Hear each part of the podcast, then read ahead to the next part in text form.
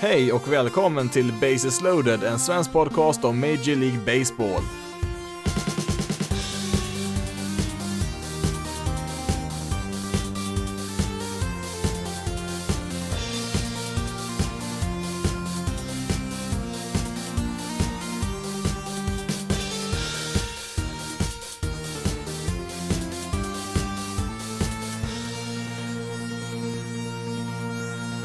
Hej och välkommen till veckans avsnitt av Bases loaded, en svensk podcast om Major League Baseball. I detta avsnitt då så, mm, ja, finns det väl inte så jättemycket nytt att eh, rapportera om här. Det har inte hänt så jättemycket sedan förra veckan eh, när man bestämde sig för att, eh, ja, ställa in de första två veckorna på säsongen, ja, plus spring training också då, men Ja, jag sa väl förra veckan att jag själv hade räknat med att kanske tidigast säsongen kunde vara igång, jag säger första maj där någonstans och de senaste dagarna här så har det varit lite intervjuer med folk som är lite mer insatta i hur det här kommer se ut framöver och eh, ja, även de har ju sagt att eh, det är först kanske, kanske någon gång i maj tidigast som de kan eh, starta igen, men Ja, alltså mm, jag tror nog även maj månad kan vara lite optimistisk faktiskt om man ska vara helt ärlig. Ehm, det ser ju inte ut att eh, bli bättre den närmaste tiden här med coronaviruset så att eh, eh, första maj är nog som sagt väldigt optimistisk att spelet ska vara igång då och ehm, ja, vi får kanske nog till och med rikta in oss på kanske första juni eller sådär och ehm, Ja, lite orolig är man väl ändå för att, eh, för om det ska bli någon säsong alls i år. Jag tror nog att det kommer att bli det, men eh, frågan är ju då när måste man vara igång i så fall? Alltså, säg att halva säsongen försvinner, nöjer man sig då med att spela 81 matcher? Eh, och ja, alltså räcker ens det? Det kanske finns någon gräns vid 100 matcher också, jag vet inte riktigt, men det finns ju ändå en inte helt obetydlig risk att eh, säsongen inte blir av alls i år, men ja, jag är fortfarande lite försiktigt positiv att det kommer att bli av. Jag tror nog att det lutar mer åt att eh, det blir en säsong i år, i, i någon utsträckning i alla fall, men ja, man kan ju inte räkna bort det helt och hållet i alla fall ändå. Jag tror väl inte det finns någon större mening eh, med att spekulera mer än så när säsongen kan vara igång egentligen. Det kan ju hända lite vad som helst de närmaste veckorna här och det är väl nog ingen egentligen som vet när vi faktiskt kan spela så att vi får helt enkelt vänta och se här framöver hur det ser ut. Ehm, men i vilket fall som helst så, så har ju spelare börjat lämna spring training-anläggningarna nu i alla fall. Det är väl, ja främst de minor League-spelarna har ju försvunnit, eh, tror jag nog ganska många. Sen så har väl även Major League-spelarna fått eh, göra ett frivilligt val där, tror jag man har sagt där, på vissa håll i alla fall. Eh, en del har ju rest hem som sagt och andra har väl stannat kvar för att eh, fortsätta hålla igång där eh, ifall säsongen drar igång ganska snart. Så att eh, Eh, det verkar ju ganska oklart även bland spelarna hur det kommer att se ut. Eh, som sagt, eh, det är nog ingen som riktigt vet hur, ehm, ja, hur det kommer att bli här i slutändan. Så att jag också är och funderar lite grann i helgen här vilket lag som kanske lite i hemlighet i alla fall är lite glada över det här uppehållet. Ehm, Eh, tankarna går ju då genast till Yankees då, de har ju då Stanton och Judge där som inte hade varit friska till opening day där och eh, James Paxton han opererade ju sig här i, tidigare i vår och han skulle ju vara tillbaka någonstans i mitten av maj där och eh, ja, även Aaron Hicks där, deras outfielder, han skulle väl vara tillbaka efter sin operation där någon gång i juni kanske så att eh, Ja, nu tror jag väl såklart de helst vill att säsongen ska vara igång, det tror jag absolut, men eh, det, vi måste ju ändå vara ärliga och säga att eh, Yankees gynnas ju faktiskt lite grann utav det här, det gör de absolut. Ehm, Sen så har vi även eh, Cleveland Indians som har ett eh, par pitchers borta. Mike Clevenger opererade ju knät där för någon månad sedan och eh, armbågen har ju ömmat lite grann för Carlos Carrasco här den senaste tiden så att ja, det är fullt möjligt att båda de två är tillbaka när säsongen väl drar igång också så att det finns nog ändå ett par lag som ja, ändå gynnas av det här även om de såklart vill att säsongen ska vara igång. Nyhetsmässigt har det ju som sagt inte hänt speciellt mycket sedan man tog det här beslutet att eh, stänga ner säsongen då tillfälligt och ehm, ja, alltså visst, det finns ju massa olika infallsvinklar. Man skulle kunna prata om det här, men eh, ja, jag tog ju en del i förra avsnittet där från i fredags där, så att eh, vill man ha mer om det så får man väl lyssna på det avsnittet istället, så att ja, jag tror vi lämnar det så länge här och ehm, ja, jag ska försöka få till något vettigt här under de närmaste veckorna i podden här när vi inte har något spel. Jag ska väl försöka göra ett avsnitt i veckan ändå här, sen att vi inte har någon säsong att prata om, ja, det är väl ett hinder på vägen såklart, men det finns en del annat att eh, ta upp eh, förutom just en aktiv säsong. En sak som jag tänkte nämna här lite kort, det är ju Trey Mancini som för två veckor sedan eh, tvingades lämna Baltimore Orioles spring training för att genomgå ett vid tiden okänt medicinskt ingrepp där som inte var kopplat till baseball. Eh, det ringde såklart många varningsklockor och eh, det var även flertal spelare och coacher som uttryckte sitt stöd där på sociala medier och intervjuer där för Mancini som uppenbarligen gick igenom något ganska tufft här. Eh, tankarna gick väl då också tillbaka till förra sommaren när Carlos Carrasco, Indians pitchen där, lämnade mitt i säsongen då på grund av att han drabbats av leukemi där och eh, ja, det spekulerades väl i om det kanske Mancini hade också hade drabbats av någon form av cancer där och ja, mycket riktigt där så fick vi redan under förra veckan att eh, eh, Mancini hade råkat ut för en elakartad tumör där som han var tvungen att operera ut där från sitt tarmsystem och eh, Ja, hur länge det kommer att hålla någon från spel eh, har vi inte fått reda på, men det känns väl också ganska orelevant i nuläget. Eh, eh, huvudsaken är ju att det verkar som att det gått bra och han nu i lugn och ro får vila upp sig här. Orioles manager då, Brandon Hyde, nämnde ju att han förmodligen missar lite tid på säsongen här när han återhämtar sig, men det sa han ju strax innan man tog beslutet att skjuta upp säsongen, så att det är svårt att veta vad det faktiskt innebär då för hans säsong så sett, men ja, som sagt, det är inte så jätteviktigt det heller i nuläget, han måste ju bli frisk här. Om inte annat så är det väldigt positivt att eh, man pratar om när han skulle kunna vara tillbaka i spel. Det borde väl vara ett gott tecken på att eh, han borde kunna återhämta sig om han är förmögen att eh, fortsätta spela då, trots det här ingreppet. Mancini är väl för övrigt en av väldigt få bra spelare på Orioles roster just nu. Det finns inte så jättemånga namn där som kan locka in publiken där på Camden Yards, men Mancini är väl ett utav dem där och mm, Ja, Mancini Salsa är ju som sagt den enda prioriteten i nuläget, eh, men vi kan väl säga så här att Orioles blir ju klart eh, ännu mer hopplösa att se på i år om inte Mancini finns med på planen. Hey everyone, just wanted to thank you so much for your well wishes and, and kind messages this week. Um, it's really lifted my spirits and, and helped me through this tough week, but uh, I'm really looking forward to being on the road to recovery, and I'm I'm so thankful for our medical staff, our team trainers, all the doctors that have helped me this week um, you know, I'm really thankful we caught this one I did through a simple blood test. So um, I'm feeling really grateful for that and, and thank you all again. I övrigt så um, har det ju som sagt inte hänt speciellt mycket då när det gäller nyheter, men ja, det finns väl lite annat att prata om istället här då och eh, det går självklart bra att, eh, att skicka egna förslag också om du som lyssnar har någonting som du vill höra, höra någonting om så um, ja, då är det bara som sagt att uh, ja, skicka in någon eh, tittarfråga eller ja, nu vet jag inte hur många av er som tittar på det här då, det är kanske inte så många då, men ja, ni förstår vad jag menar att eh, eh har ni någon fundering eller någonting speciellt som sagt som ni skulle vilja höra mer om så ja, det är bara att höra av sig någonstans eh, så får vi se om det är någonting som kan passa in här i podden. En annan sak jag kan nämna här också, det är ju att eh, jag har slutat med att skriva alla sådana här previews eh, på hemsidan då och eh, jag har även slutat med dem här nu i podden då tillfälligt då tills vi vet när säsongen kommer att börja igen. Jag tycker inte att det är någon idé att fortsätta med de lagen och divisionerna som är kvar att antingen skriva om eller att diskutera här i podden då så att eh, ja, vi vet helt enkelt inte vilken, under vilka förutsättningar vi kommer att spela den här säsongen på, så att jag tänker att vi avvaktar lite med det där så får det komma sen när vi vet eh, när säsongen drar igång igen. Istället då under helgen här så sammanställde jag faktiskt eh, fem stycken olika topp 100-listor för prospects och eh, ja, de kommer ju sådana här topp 100-listor brukar komma inför varje säsong här och jag tänkte att eh, ja, jag kunde väl göra ett avsnitt kring det istället då när vi inte har någon aktiv baseball att prata om.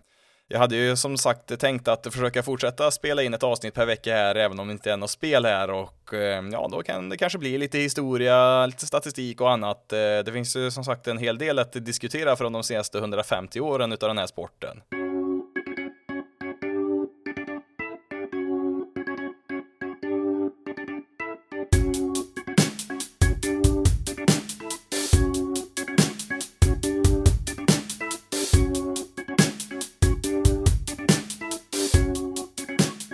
Eftersom att eh, fortsatt spel ligger en bit in i framtiden så tänkte jag att eh, då kan vi lika gärna titta närmare på framtidens spelare och eh, mer specifikt då på topp 10 prospects i MLB just nu.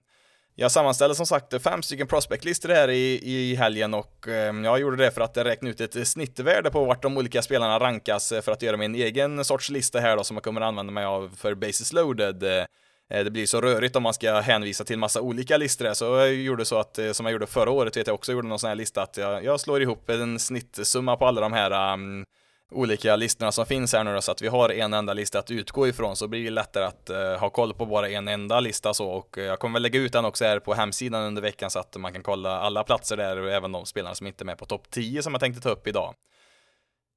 För den som inte har koll då så brukar en prospectlista syfta på antingen en eh, topp 100-lista med prospects för hela MLB eller en topp 30-lista kan det också vara med prospect i, i varje enskild organisation. Och eh, ja, ska vi backa ytterligare ett steg bakåt där så kan vi nämna att prospects är ju de här unga lovande spelarna som är är på väg upp genom lagens minor League-system och eh, ja, de brukar ju alltid rankas någon gång där. I februari brukar de här listorna komma ut inför varje säsong här och ja, det är väl just de här listorna inför varje säsong som får mest uppmärksamhet, eh, men sen är det ju vissa som också uppdaterar eh, listorna mitt i sommaren för att få in de eh, nya draftvalen som har gjorts då och sen så är det även en del som gör en lista efter säsongen är över, så där man kan summera hela deras säsong då på minor League-nivå.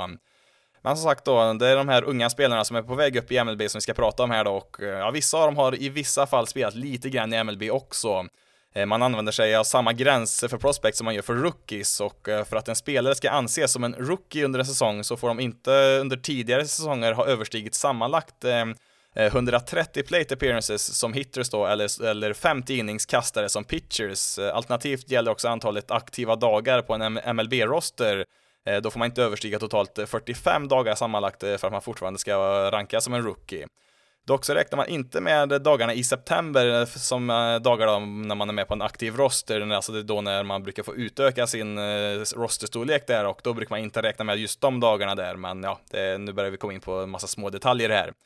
Skillnaden på en rookie och ett prospect då, det är att eh, om man inleder en säsong som en rookie, då kommer det vara en rookie hela den säsongen oavsett hur mycket du spelar. En spelare kan däremot tappa sin klassificering som ett prospect då på de här listorna då, mitt under en säsong då, om spelaren uppnår någon av de där gränserna som jag precis nämnde där med 130 plate appearances eller 50 inningskastare. Eh, man säger då att de har graduated, alltså de har tagit examen då, om vi ska ta en, eh, en rak översättning där på svenska. Eh, nu är det som sagt då prospects vi riktar in oss på här och eh, jag tänkte kort summera topplistan här över bästa prospect just nu, alltså topp 10 där och eh, ja, två utav de spelarna på topp 10 där fick ju faktiskt göra sin debut förra året där man spelade då som sagt eh, inte tillräckligt mycket för att uppnå den där övergränsen så att de räknas ju fortfarande som prospects och eh, ja, de räknas ju som rookies också så att eh, alla de här 10 spelarna kan ju fortfarande utses till eh, årets rookie kan vi ju säga. Då.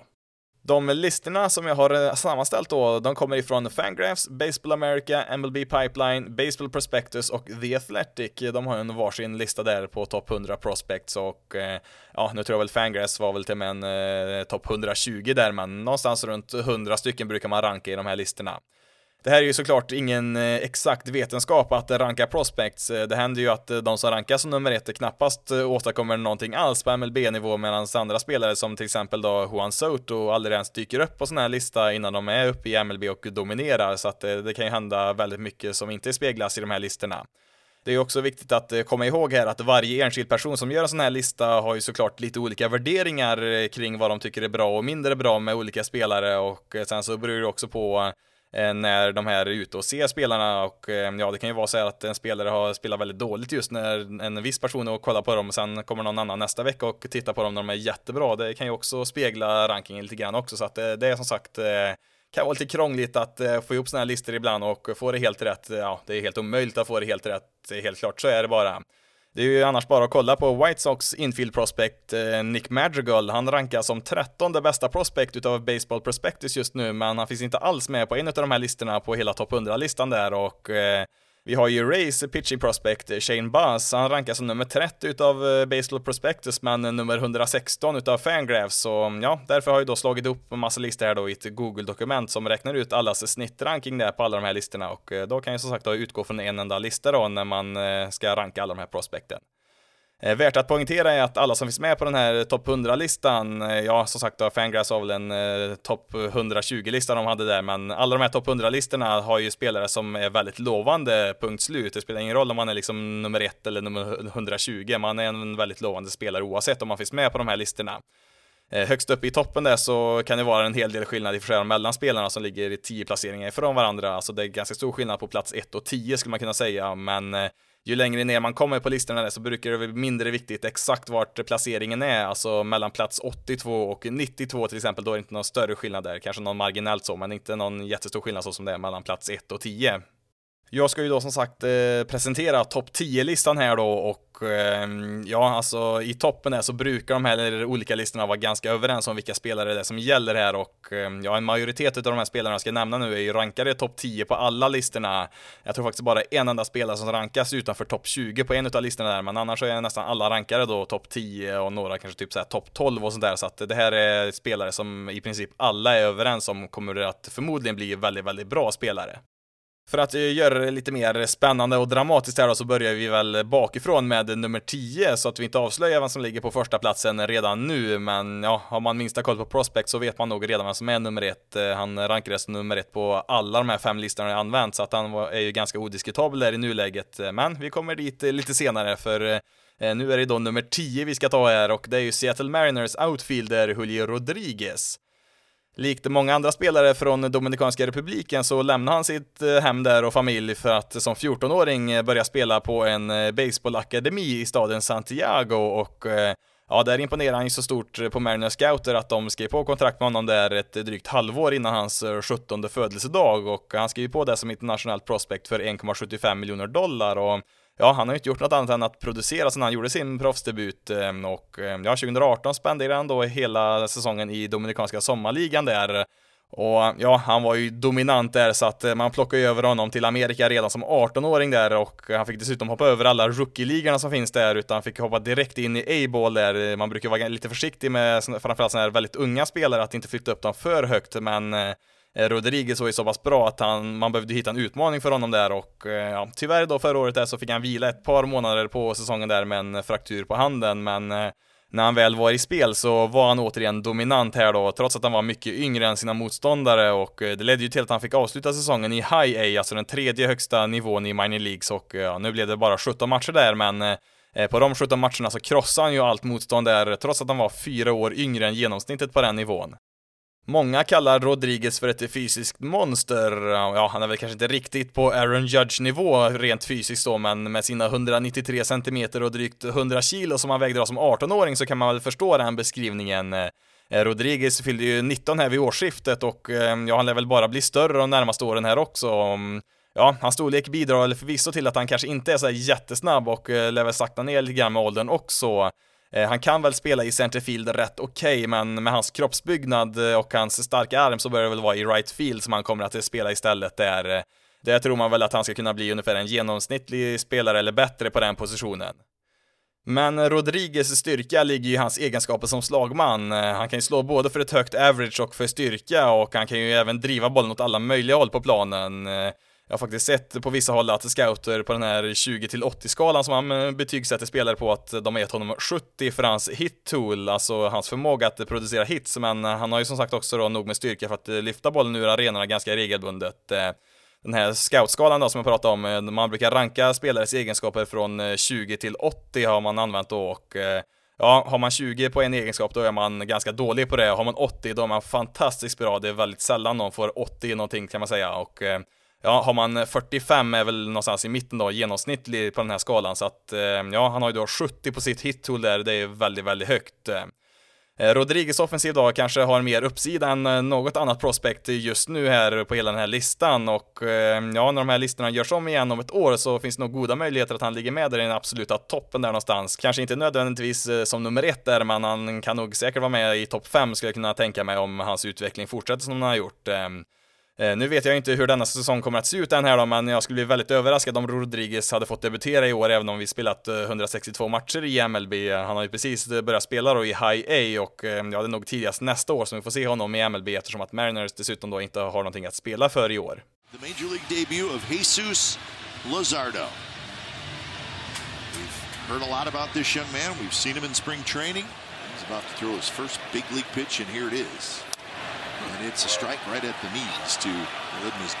Nummer nio på listan är Oakland Ace vänsterhänta pitcher Jesus Luzardo och jag har ju sen slutet på förra säsongen när han gjorde sin MLB-debut pratat en hel del om honom och jag har även Ace andra lovande pitching prospect eh, AJ Puck och eh, Ja, här har vi anledningen till det. Han är ju ett topp 10 prospect eh, och utav Luzardo och Puck så är det helt klart Luzardo som har störst potential. Men Puck finns ju med som nummer 26 på den här listan så att han är inte så dum han heller.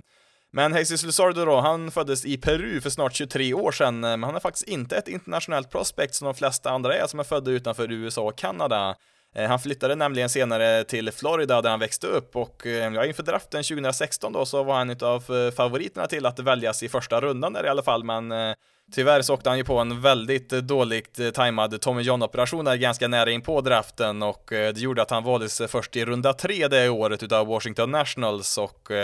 ja, när han väl kom tillbaka i spel där året efter så blev det bara tre matcher i Rookie Ball där innan Nationals eh, tradade bort honom tillsammans med eh, bland annat eh, Blake Trinen till Oakland då i utbyte mot eh, Sean Doolittle och Ryan Madsen, för Nationals hade ju behov av spelare som kunde hjälpa dem på MLB-nivå redan den säsongen där, så att de bytte bort lite prospects där mot spelare som kunde hjälpa dem just den säsongen. 2018 då så fick han ju sitt genombrott skulle man kunna säga som prospect. Eh, då klättrade han tre nivåer under det året hela vägen till AAA och eh, efter att ha imponerat stort i springtraining här för ett år sedan så räknade nog många med att han skulle komma upp i Ace Rotation här relativt snabbt under året. Eh, men sen så åkte han ju på lite skador där förra året som gjorde att han inte kunde vara tillbaka i spel i full styrka förrän i augusti och för att få tillbaka honom lite snabbare där så använde man honom som en reliever där mot slutet och det gjorde att han fick göra sin MLB-debut här i september i just Ace Bullpen där och han var ju så pass effektiv att han fick en plats där på deras slutspelsroster. Luzardo visade ju också här förra året i en bullpen-roll att han kan nå omkring 98-99 miles per hour när han kastar, vilket kanske blir inte riktigt lika hårt när han används som starting pitcher då, men han bör kunna snitta någonstans kring 95 eh, på sin fastball där som alla är överens om att det är en eh, väldigt bra fastball. Eh, även hans change-up anses vara riktigt bra och ja, totalt så har han fyra olika typer av kaster som alla anses vara bra eller riktigt bra där och eh, Ja, dessutom så anses han ju ha riktigt bra kontroll på strikezonen och han har ju så här långt genererat väldigt mycket strikeouts och eh, ja, när slagmännen väl får kontakt med bollen så är det ofta ganska lösa ground balls som produceras. DeSardos största utmaning blir väl att hålla sig frisk. Han har ju haft en del skadeproblem under sin proffskarriär och eh, ja, han är väl en av de eh, spelarna som kan gynnas av att säsongen blir lite kortare här då han troligtvis inte tillåts att kasta en 200 innings år efter alla skador förra året där så att eh, ja, beroende på när säsongen börjar så finns det ju nu en chans att Luzardo kanske kan starta resten av den säsongen som faktiskt blir av för Ace och mm, Ja, alltså Luzardo har alla verktygen som krävs för att vara ett ace och uh, kan finnas med i Cy Young-omröstningar här i framtiden, men då måste han som sagt då först och främst undvika skador här i framtiden. Good look at the next pitcher for the American League squad, Nate Pearson. Six foot six right-hander, and Harold, if you're a fan of velocity, you're in luck. He hit 104 miles an hour. Well, that one's right there, 99. 102 miles an hour. Nummer åtta är även han en pitcher, Toronto Blue Jays högerhänte Nate Pearson. Och under sin tid i high school så användes han faktiskt mest som en reliever, men han fick chansen sen att starta när han flyttade över till ett junior college där. Och eh, där gick det så bra att han faktiskt draftades redan i första rundan 2017 där utav Blue Jays. Och Ja, det som scouter var mest imponerade av det var att han redan då kunde kasta 102 miles per hour. Eh, 2018 då var ju hans första hela säsong som proffs, men ja, han hade väl en del otur med skador där. Först skadade han ryggen och sen nästan direkt efter det när han kom tillbaka så fick han en comebacker rätt på armen där som gav honom en fraktur. Ungefär då som Corey Kluber drabbades av här förra säsongen. Han kunde ju senare då under året delta i Arizona Fall League där många av de mest lovande spelarna deltar varje år och eh, där lyckades han i deras All-Star-match eh, kasta hela 104 miles per hour där under ett kast. Ehm, 2019 här då, då kunde han hålla sig frisk hela året här och eh, visar ju varför han är en av de mest lovande spelarna just nu. Han kastar ju drygt 100 innings med en ERA på runt 2,3 där och eh, klättrade ju sen genom tre nivåer där förra året hela vägen upp till AAA. Pearson är ju enorm med sina dryga två meter i längd och eh, ja, en 110 kilo i vikt och ja, han lär väl nog behöva varenda kvadratcentimeter av den här kroppen för att klara av att kasta sådär vansinnigt hårt om och om igen de skador han har ådragit sig så här långt i karriären är väl inte speciellt oroväckande ändå. Det rör sig inte om sådana här armbågar eller axlar direkt så, utan det är mest lite oturskador han har drabbats av, men eh, vi har ju sett också att eh, det kan bli lite för mycket för en armbåge att hantera de här enorma krafterna som genereras när man kastar regelbundet över 100 miles per hour. Vi såg ju bland annat eh, Cardinals closer Jordan Hicks som kastade en bra bit över 100 han också där. Förra året så tvingades han till slut också till en Tommy John-operation och mm, Ja, eh, som sagt, Pearson kastar ju extremt hårt som jag tror ni alla är med på här nu och eh, hans fastball får ju en 80 på den här 20-80-skalan, vilket inte är helt oväntat. Eh, men eh, det är ju inte bara att han kan kasta bollen som en raket förbi motståndet. Eh, han har även en slider, en curveball och en change-up som är bra och eh, ja, framförallt hans slider är ju värd att hålla ett öga på som, eh, ja, inte helt oväntat är ju den också extremt hård. Eh. Eh, förra året så ledde ju Jacob DeGrom MLB i snitthastighet för sliders eh, med en snitthastighet på 92,5. Eh, Evan Pearson kan snitta någonstans kring 92 på sin slider där, men dessutom har han hävt iväg en sån där uppemot en 95 någon gång där, vilket är extremt för en slider. Vi kan väl säga så här att endast fem pitchers förra året lyckades kasta sin slider i snitt över 90 miles per hour då i MLB och ja, han lär ju nog komma in på den listan ganska lätt skulle jag tro. Något som han kanske behöver jobba lite på, det är ju hans förmåga att placera bollen där han vill ha den. Alltså han har inga större problem att få in bollen i strikezonen någonstans, men han kanske inte riktigt alltid får den exakt eh, där han vill placera den. Eh, eh, Pearson är väl redan nu, trots den bristen, en av Blue Jays fem bästa pitchers, men kommer ju säkerligen då inte att få en plats då på deras roster från dag ett ändå där, men ja, om Pearson kan visa att han klarar av att kasta så här enormt hårt som han faktiskt gör då om och om igen över en hel säsong så finns det ingen tvekan om att han hör hemma i en toppen av en rotation och eh, Ja, kan han bli lite mer pricksäker utöver det så, eh, ja, då finns det nog ingen som helst gräns på hur bra han faktiskt kan bli. Nummer sju är Seattle Mariners outfielder Jared Kelenic. Eh, Mariners är ju då det enda laget som har mer än en spelare på den här topp 10-listan och vi kan väl säga så här att Mariners outfield har ju potential att se riktigt intressant ut inom ett par år. I draften 2018 så ansågs Kelenic vara den bästa slagmannen på high school-nivå och gick ju därför redan som nummer 6 till Mets i den draften. Som bekant genomförde ju Mets och Mariners en väldigt uppmärksammad trade här förra vintern när Edwin Diaz och Robinson Cano flyttade till New York och eh, Kelnick var ju då den centrala spelaren i det prospectpaket som Mariners fick tillbaka. Det var ju en trade som såg rätt dålig ut för Mets redan eh, när den skedde där och ja, den ser väl ännu värre ut nu för deras del. Ja, alltså han var ju ett bra prospect eh, redan när han tradades, det var han ju, men under hans första år i Mariners organisation så har han spelat riktigt, riktigt bra. Han har ju tagit sig igenom tre stycken nivåer då under 2019, där han avslutade säsongen som en 20-åring i AA. Eh, han har ju med andra ord klättrat rejält i rankingen det senaste året och eh, anses ju vara en five tool player, alltså han har de här fem verktygen man pratar om att, eh, ja, i princip så är han ju bra på allt om vi ska hitta någonting som han är lite mindre bra på då, om vi ska uttrycka oss så, så är det väl kanske hans försvarsspel då. Mm, han spelar ju i centerfield, en av de mest krävande positionerna på hela planen där och eh, nu klarar han väl ändå av det rätt okej okay där och eh, ja, det har väl dels att göra med hans snabbhet det som gör att han kan springa ikapp massa bollar där, men eh, ja, han bör nog kunna spela på den positionen ett tag framöver i alla fall, sen får vi väl se hur det ser ut när han blir äldre. Det är ju trots allt eh, hans offensiva egenskaper som sticker ut mest. Eh, han tar väl ett okej okay antal walks och eh, kan ju slå med en del styrka utan att strika ut för mycket. Just styrkan där i svingen har ju utvecklats väldigt mycket här på slutet. Han kom upp i både 20 homeruns och 20 stolen bases bland annat då förra året. Eh, han är väl kanske inte riktigt eh, så enorm rent eh, fysiskt som hans framtida kollega Julio Rodriguez, men Kelnick är också ganska välutvecklad rent fysiskt av, vilket innebär att han kanske inte har så jättemycket mer att bygga på då när det gäller muskler och så. Mm. Men med det sagt så tros han ändå ha möjlighet att slå en sån här 25, kanske upp till 30 homeruns per år samtidigt som han kan ha en sån här 20 stolen bases. Eh, Kellner kanske aldrig blir någon enorm slugger så, men har ju ändå potential då som sagt att slå en del homeruns och sno lite baser där och ja, är dessutom helt okej okay defensivt då på en av planens svåraste positioner. Eh, Kellenick är ju som sagt då bra på väldigt många olika saker, även om man kanske inte är så superbra på någon enskild sak sådär, men ja, Eh, han och Rodriguez eh, kan ju vara en av ligans bästa outfield här om eh, ja, de närmaste åren här då, när båda är uppe på MLB-nivå och ja, Kellenick är väl eventuellt redo att få debutera sent i år, men Mariners har ju som sagt all tid i världen just nu och kanske skjuter upp hans debut till nästa år istället. With the first selection of the 2019 MLB draft, the Baltimore Orioles select Adley Rutschman, a catcher from Oregon State University. Nummer sex på listan eh, har ju helt klart minst rutin som proffs eh, då han valdes först i sommarens draft. Eh, det är ju Baltimore Orioles catcher och möjligtvis framtida ansikte utåt, Adley Rutschman, som vi hittar där på nummer sex. Det är ju ofta ganska svårt att veta långt i förväg vem som kommer att gå nummer ett i en draft, men Rutschman är ju nog den mest lovande spelaren vi sett draftas på ganska många år. Han har ju varit favorittippad ganska länge innan hans draft. Eh, redan säsongen innan han draftades där så var han helt klart den bästa college-spelaren i hela landet eh, och eh, var ju även under förra våren helt klart i en klass för sig själv där och sitt Oregon State. Mycket riktigt så gick han ju då som nummer ett till Orioles här i somras och de gav ju honom 8,1 miljoner dollar där i bonus när han skrev på där ett nytt rekord då för ett draftval och ja, nu hann ju inte Rutschman med speciellt mycket spel här efter draften så att vi har inte så jättemycket att gå på när det gäller hans eh, produktion som proffs här, men eh, ja, det finns nog ganska stora möjligheter att det här kan bli ett väldigt bra val för Baltimore.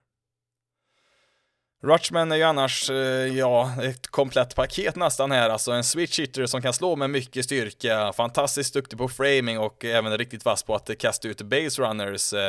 Han sägs ju också vara otroligt mogen för sin ålder och eh, är väl en naturlig ledare så i de lagen han varit med tidigare. Eh, på college-nivå så brukar det alltid vara någon coach som bestämmer vad pitchen ska kasta och eh, det är först när de blir proffs då efter de har draftat som catchers får ta över det ansvaret. Men Rutschman han tog ju över det jobbet redan i college så att han är ju redan van med det systemet. Ehm, det sägs också att eh, deras coacher i deras eh, farmsystem redan använder videoklipp eh, från hans at-bats där för att visa andra spelare hur de ska agera som slagmän och ja, som sagt, Rutschman är ju verkligen det kompletta paketet här verkar det som och Orioles kunde nog inte önska sig en speciellt mycket bättre spelare att bygga upp sitt nya lag runt omkring. Den enda riktiga svagheten som man skulle kunna hitta med honom, det är väl hans snabbhet då, men det brukar väl inte vara en speciellt stor faktor för en catcher då och ehm, ja, vi kommer kanske inte få se honom som en slagman på absoluta toppnivå, men eh, tros nog kunna slå väldigt bra ändå för, en, för att vara just en catcher och mm, ja, det finns ju enorma förväntningar här på honom då han eh, minst hoppas att han ska bli en regelbunden all-star med förmåga att i bästa fall kanske också lägga sig i MVP-diskussioner. Mm. Eh, nu verkar det som Ratchman eh, kan vara en sån person som klarar av det mesta här och eh, mm, ja, det får vi hoppas för att det är en enorm press som är på honom här mindre än ett år efter att han har blivit proffs och eh, ja, jag tror nog vi kan få se honom debutera någon gång nästa år kanske där om det går bra för honom. Nummer fem på listan är White Sox outfielder Louise Robert. Eh, han kommer ju då från Kuba och skriver på som ett internationellt prospect för 26 miljoner dollar då precis innan de ändrar de här reglerna för hur mycket man får, får spendera på eh, internationella prospects. Eh, han spenderade ett eh, år i Dominikanska sommarligan innan han eh, 2018 flyttade över till Amerika då och eh, ja, första säsongen där sen han flyttade över då blev ju delvis förstört utav skador. Men Förra året då så anlände han på allvar som en av ligans bästa prospects just nu för han spelar ju då på tre olika nivåer från High A till Triple A och där slog han sammanlagt 32 homeruns och hade 36 stolen bases. Han är den yngsta spelaren på 20 år att ha en sån här 30-30 säsong i minor leagues. Eh, inför den här säsongen då så skrev man ju på ett eh, kontrakt värt eh, 50 miljoner dollar i sex år plus ett par klubboptioner som kan dra upp värdet till 88 miljoner över åtta år om Robert nu skulle bli den spelare som man förväntar sig att han ska bli så kommer det vara ett väldigt bra kontrakt för White Sox, men eh, det är ju inte heller så illa att eh, en spelare som Robert då, som inte har gjort en enda match i MLB, får ett sånt här kontrakt heller. Det är ändå 50 miljoner dollar vi pratar om garanterat. Ehm, det är ju faktiskt också det största kontraktet någonsin för en spelare som inte har spelat i MLB förut, så att eh, det är ju inte en jättedålig deal heller för Robert, även om han kanske blir en väldigt bra spelare. Även Louis Robert då anses ju vara en five tool player. Han kan slå bra framförallt med styrka, han är väldigt snabb, han är duktig i centerfield och han har en stark arm att kasta med. Eh, det han kanske behöver jobba med det är sin disciplin som slagman, eller plate disciplin då som man säger. Eh, han vevar efter en hel del onödiga bollar där och tar därför inte heller så mycket walks. Eh, hans strikeouts ligger väl på en okej okay nivå, men det finns kanske en liten oro att det kan gå upp en del, alltså hans strikeouts då när han möter Major League pitching där. Men annars så ser det ju väldigt bra ut här för Robert. Eh, det är ju inte varje dag man ser en väldigt eh, duktig centerfielder som kan slå 30 homeruns i kombination med att eh, de kan ta 30 stolen bases. Ehm, Mike Trout, Ketel Marte och George Springer är ju exempel på centerfielder som förra året hade 30 homeruns men ingen hade ju ens ett dussin stolen bases. Den enda man kan jämföra med det är ju Ronald Acuna Jr som spelar en majoritet i centerfield förra året men egentligen hör han väl hemma i right field. Eh, han hade ju 41 homeruns och 37 stolen bases förra året, så att eh, man kan väl jämföra de två lite grann där, Robert och Acuna där, även om man nog inte skulle tro att eh, Robert kanske har riktigt samma tak som eh, Acuna har där, men ja, vi får se helt enkelt. Roberts potential är ju väldigt stor i alla fall och det kan ju hända väldigt mycket när man väl kommer in på MLB-nivå och vi kan ju säga så här att han har väl goda förutsättningar när hans namn kan nämnas i samma mening som MLBs bästa centerfielders och Ja, hans kontrakt är ju dessutom att han mer eller mindre är garanterad att finnas med på deras opening day roster här nu när säsongen drar igång. Nummer fyra på listan och den sista pitchern, det är vänsterhänte Mackenzie Gore som finns i San Diego Padres organisation. När Gore spelade i Whiteville High School så vann de tre raka delstatsmästerskap och under hans sista år där så kastade han 74 innings med 158 strikeouts och endast 5 walks. Han hade också en ERA på 0,19. Eh, ja, man kan ju inte annat än tycka synd om eh, Gores motståndare där, alltså i snitt mer än två strikeouts varje inning samtidigt som han bara hade fem walks. eh, ja, 0,19 som sagt i ERA, så att eh, ja, det är väl det man kallar för tv-spelsiffror, där passar väl han rätt bra in där. Så att eh, det kom väl inte med någon större chock där att han valdes redan som nummer tre i draften där av Padres i 2017. Han skrev på för 6,7 miljoner dollar där i bonus. Eh, hans första två år som proffs där drabbades han eh, av en hel del blåsor där på handen som begränsade hans speltid, men 2019 fick han äntligen eh, kasta en hel del utan avbrott. Han kom upp i en 100 innings här. Han inledde ju förra säsongen i California League som är på High A-nivå, alltså den tredje högsta nivån där och det är ju en liga vars arenor har en tendens att vara väldigt vänliga för hitters, alltså arenor som har ganska små dimensioner och på lite högre höjd där bollarna flyger ut mer än vad de gör på andra ställen och ehm, Ja, det struntade Gore fullständigt i och tillät endast 9 runs på sina 15 matcher där med en ERA på 1,02 så att eh, han fick ju flyttas upp eh, sen till Double A där mot slutet för så att han fick testa på en lite högre nivå där också. Gore beskrivs eh, som väldigt atletisk och eh, har en väldigt explosiv ansats som inleds med en rejäl legkick där som man brukar beskriva att han exploderar sen mot hemplattan där, han får ut ett rejält kliv framåt där han ska kasta och eh, det ser ut som att han kommer väldigt nära slagmannen där när han slänger iväg bollen. Han kastar väl inte sådär vansinnigt hårt, det gör han inte, han brukar väl snitta någonstans kring 93 miles per hour, men kan komma upp i en sån här 96-97 också då om han behöver. Eh, han har ju en bred repertoar med en fastball, slider, curveball och changeup som alla fyra har potential att vara riktigt bra. Eh, problemet är ju bara att han har problem med att eh, få till alla fyra under en och samma match där, så han behöver bli lite mer konsekvent i det anseendet.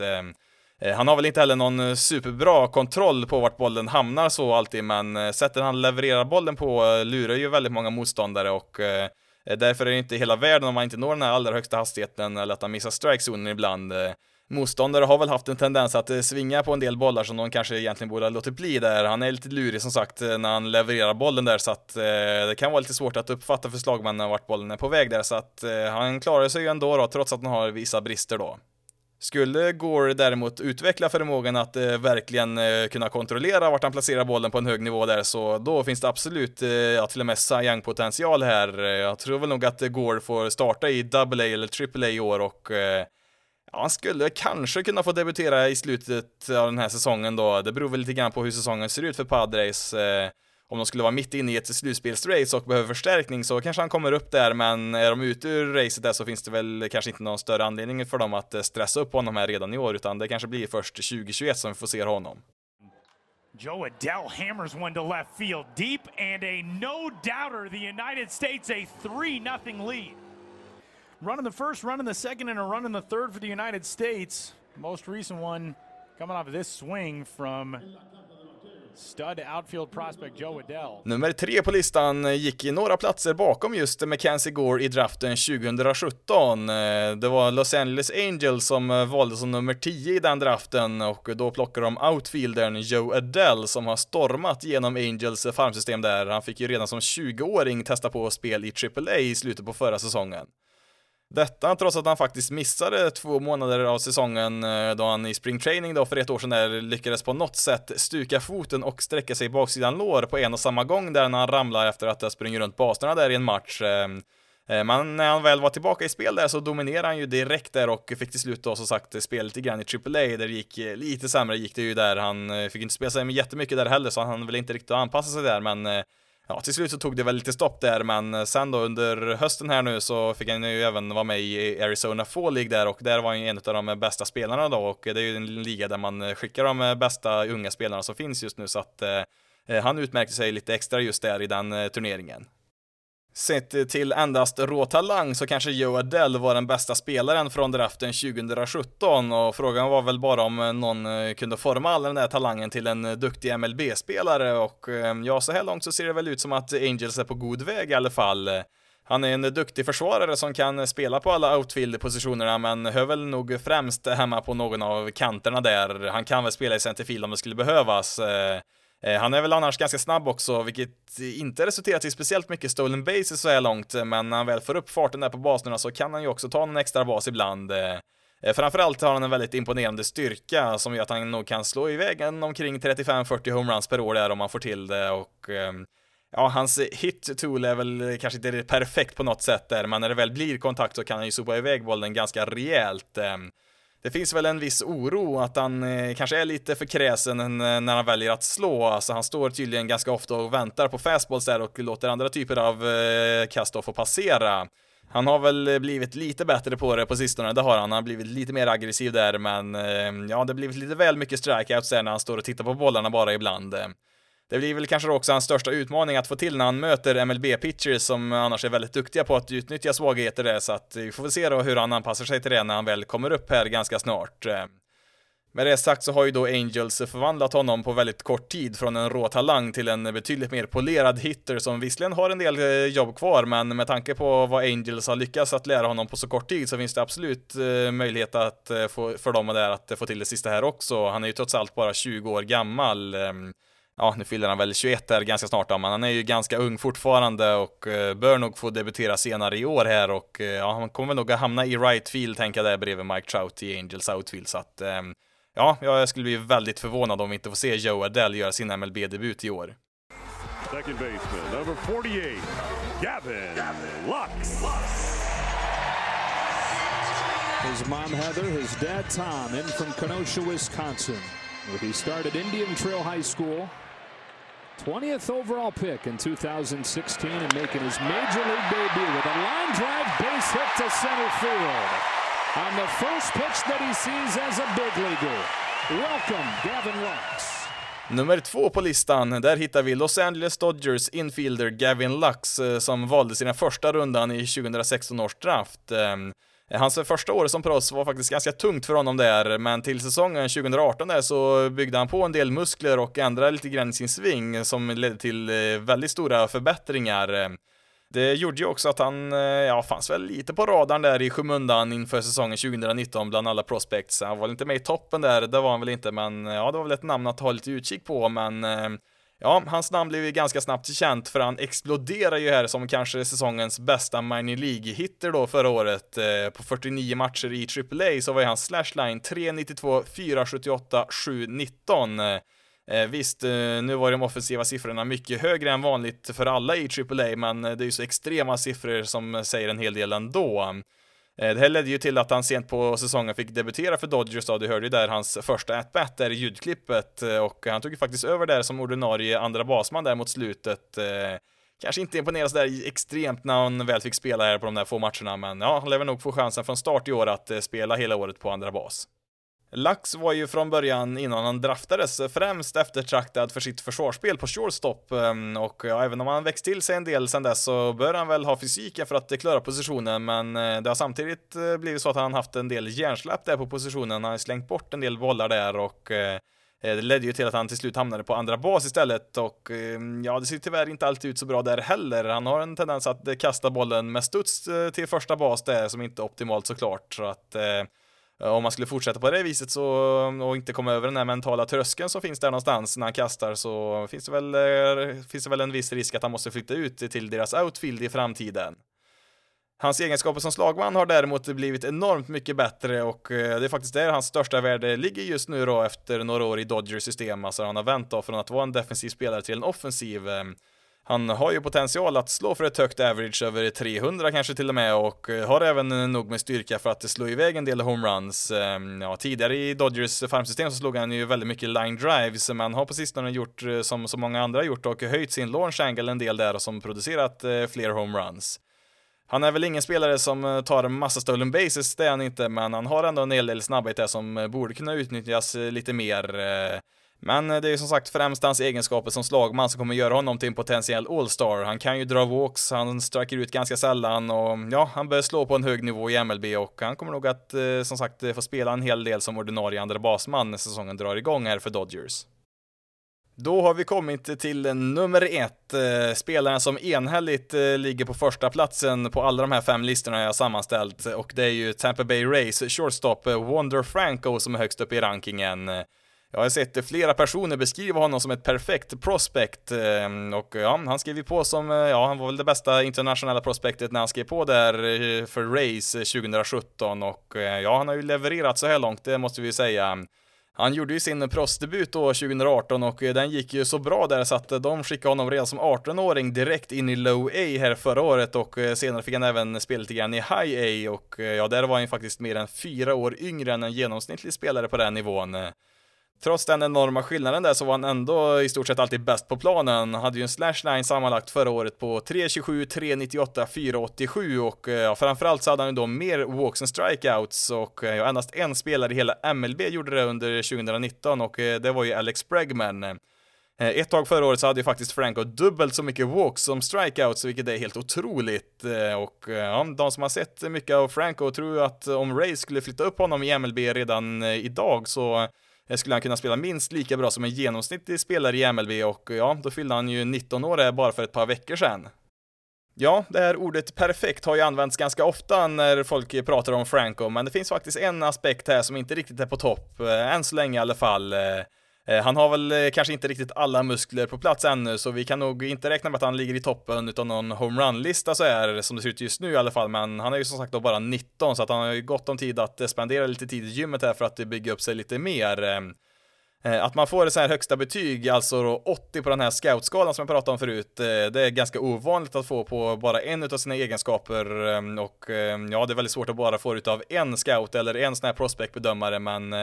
Kollar vi på Fangraphs, MLB Pipeline och Baseball America så är alla de tre separata organisationerna satt 80 på hans hit tool, alltså det högsta betyget där då och ehm, Ja, han strikar ju i princip aldrig ut och eh, han har ju i princip inga swinging strikes heller, alltså när han svingar då kommer han i princip alltid att träffa bollen på ett eller annat sätt. Eh, det kanske blir en foul ball eller något sånt där annat, det kan det ju bli, men eh, det är väldigt sällan han eh, svingar och totalt missar bollen. Ehm. Eh, lägg där till sen att han eh, kan ta en eh, del walks också, så att han är enormt slipad som hitter redan som 19-åring. Som sagt, styrkan är väl inte riktigt där ännu, men hans exit velocity är ändå högre än genomsnittet i MLB och ja, som sagt, han är ju bara 19 år, så det finns ju absolut tid för förbättring där. Han har väl i och för sig då slagit iväg en hel del ground balls som håller ner hans homerun-siffror, men ja, skulle han kunna få bollarna lite mer i luften så kan det ju bli hur bra som helst. Eh, men samtidigt, med tanke på hur bra han har varit eh, med det spel som han har just nu, så är det väl tveksamt om man kanske vill förändra för mycket också. Nämnde jag förresten att eh, Franco också är en switch hitter? Jag tror inte jag gjorde det, men ja, han kan slå riktigt bra från båda sidorna där och ja, sen så är han ju också då en shortstop, alltså en av de viktigaste defensiva positionerna på hela planen klarar han av att spela. Han kanske aldrig kommer bli någon Andrelton Simmons där i försvaret, men han hanterar ju bollen bra med händerna och eh, han har en bra, en bra arm där som klarar av kasten och ja, han har tillräckligt med räckvidd för att klara av positionen, det har han absolut. Eh, eh, det är väl inte omöjligt att han kanske får flytta över till andra eller tredje bas senare i karriären, men för tillfället så verkar han ju ändå kunna hantera shortstop. Det är nog tveksamt om han eh, får debutera i år, han är nog lite för ung för det och Rays Race brukar vara rätt försiktiga med att flytta upp sina prospects så att jag tror nog vi får vänta tills nästa år. Men med det sagt så mm, är kanske en spelare utav Francos kaliber ett eh, undantag då. Vi får se helt enkelt, men vi kan i alla fall konstatera att det finns enorma förväntningar på Franco här i framtiden. Där har vi då alla på topp 10-listan. Alla de här 10 är såklart superlovande oavsett vart de är på den här topp 10-listan och eh, ja, egentligen alla som är ett topp 100 prospect har ju en väldigt lovande framtid framför sig, så är det ju. Eh, men vi ska ju i åtanke också att rent statistiskt så kommer ju någon eller några på den här listan inte att ha någon vidare karriär i MLB. Det är ju bara att kolla på tidigare listor så kan man ju hitta en del spelare som aldrig kommer i närheten av att leva upp till sin potential utav olika anledningar. Nu tror jag väl i och för sig man har kanske blivit lite bättre de senaste åren här på att bedöma prospects, men vi ska nog räkna med att minst en på den här listan kommer att bli en rejäl flopp, tyvärr. Ja, då får det räcka där för veckans avsnitt. Eh, hoppas det var någonting som följer i smaken här nu när vi inte har eh, någon säsong att prata om här och eh, ja, som sagt, har du något förslag på saker som du skulle vilja höra eller någon fråga du vill ha besvarad så är det bara att skicka ett meddelande till mig så ska jag se om det är någonting vi kan ta med här i podden. Du kan ju skicka på mail till basisloaded.se gmail.com och du kan även kontakta mig via de sociala medierna på Facebook, Twitter och Instagram. Då finns vi på basisloaded.se där. Det går också att skicka frågor och sånt där om man vill.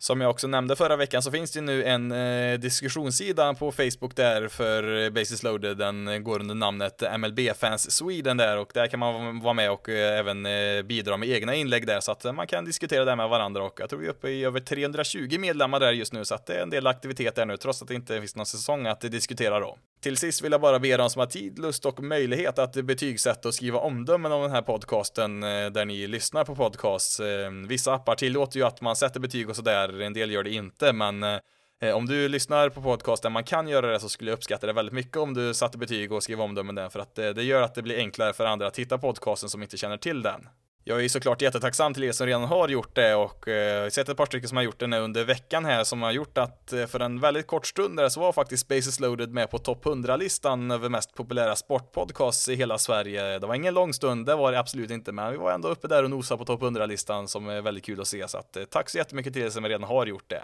Men nu har jag pratat tillräckligt för idag. Mitt namn är Jonathan Fabri. Tack så jättemycket för att du har valt att lyssna på det här avsnittet av Bases loaded. Ni får ha det så bra där ute så hörs vi i nästa veckas avsnitt.